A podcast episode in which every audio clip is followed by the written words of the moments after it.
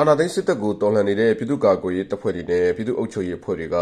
ဒေသခံပြည်သူလူထုအပေါ်မှာ လူ့အခွင့်အရေး ချိုးဖောက်မှုတွေ ရှိနေတယ်ဆိုတဲ့ တိုင်ကြားလာတဲ့အမှု ၆၀ ကျော်ရှိပြီး အဲဒီအထဲက သက်ဆိုင်ရာဝန်ကြီးဌာနအလိုက် စစ်ဆေးအရေးယူထားတဲ့အမှုပေါင်း ၂၀ ကျော်ရှိတယ်လို့ အမျိုးသားညီညွတ်ရေးအစိုးရ လူ့အခွင့်အရေးဝန်ကြီးဌာန ပြည်ထောင်စုဝန်ကြီးက ပြောဆိုပါတယ်။အခုလို တိုင်ကြားမှုတွေထဲက လူ့အခွင့်အရေးအရ ကြီးမားတဲ့ပြစ်မှုတွေ စစ်ဆေးတွေ့ရှိထားတာတွေကို အရပ်ဘက်တရားရုံးတွေကနေ အရေးယူဆောင်ရွက်နိုင်ဖို့ လုပ်ဆောင်နေပြီး လူ့အခွင့်အရေးအပေါ် လေးစားလိုက်နာဆောင်ရွက်ကြဖို့အတွက်လည်း ပညာပေးဆောင်ရွက်နေတာတွေရှိတယ်လို့ ဆိုပါတယ်။ဥပဒေမဲ့လှုပ်ဆောင်မှုတွေကို ကျွန်တော်တို့တားနိုင်မှုအတွက် ဒါအရေးကြီးပါတယ်။ဒါကြောင့်မလို့ PDF တွေနောက်တစ်ခါ ကျွန်တော်တို့ရဲ့လက်နက်ကင်တပ်ဖွဲ့ဒီချားထဲမှာ ဒါကိုတားမြစ်ဖို့အတွက် ဘာကြောင့်ဒါတွေကိုလေးစားဖို့အတွက်လိုအပ်လဲဆိုတဲ့ပညာပေးမှုပိုင်းนี้ကျွန်တော်တို့အများကြီးလှုပ်ဆောင်ခဲ့ပါတယ်အခုဒီမှာစပြီးတော့ပေါ်ပေါက်လာတဲ့အမှုတွေကိုလည်းကျွန်တော်တက်ဆိုင်ရာဝန်ကြီးဌာနပြည်ထရေးကာကွယ်ရေးတရားတရားရေးဝန်ကြီးဌာနနဲ့ကျွန်တော်ပူးပေါင်းပြီးတော့ဟိုတိုင်ကြားမှုလက်ခံပြီးတော့ဟိုအရေးဆောင်ရွက်မှုစတင်ပြီးတော့လှုပ်ဆောင်နေတာရှိပါတယ်အရင်ကတည်းကကျွန်တော်တို့အများကြီးအရေးယူမှုဖြစ်တာအဲ့ဒီညမှာကျွန်တော်ပြောချင်တာတခုကတော့အကြမ်းဖက်စစ်ကောင်စီလို့ကျွန်တော်တို့တွေက viewer တရက်နဲ့ချမှတ်ပြီးလှုပ်ဆောင်နေပေါ့ဘူး သူတို့လိုကျွန်တော်တို့ဒါ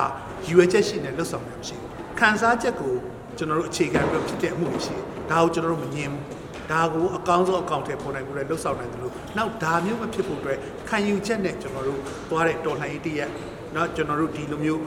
ဒီဒီအင်အားစုတရက်ဖြစ်ဖို့အတွက်လည်းစင်ဆက်မပြတ်ကျွန်တော်တို့ဒါတွေကိုဆက်ပြီးပညာပေးမှုတွေနောက်ကဖြစ်လာတဲ့ကိစ္စတွေကိုကျွန်တော်တက်နိုင်ပြီးအရေးယူဆောင်ရွက်မှုတွေပေါ်ပေါက်နေဖြစ်ပါတယ်လူခွင့်ရေးမှာပြည်သူ့ကာကွယ်ရေးတပ်ဖွဲ့ တိုင်းသားတော်လှန်ရေးတပ်ဖွဲ့အရက်သားစစ်တပ်ဆိုပြီးခွဲခြားထားတာမရှိဘဲ ပြစ်မှုကျူးလွန်ခဲ့ရင်အပြစ်ပေးအရေးယူရမှာဖြစ်တယ်လို့လည်းအမျိုးသားညီညွတ်ရေးအစိုးရ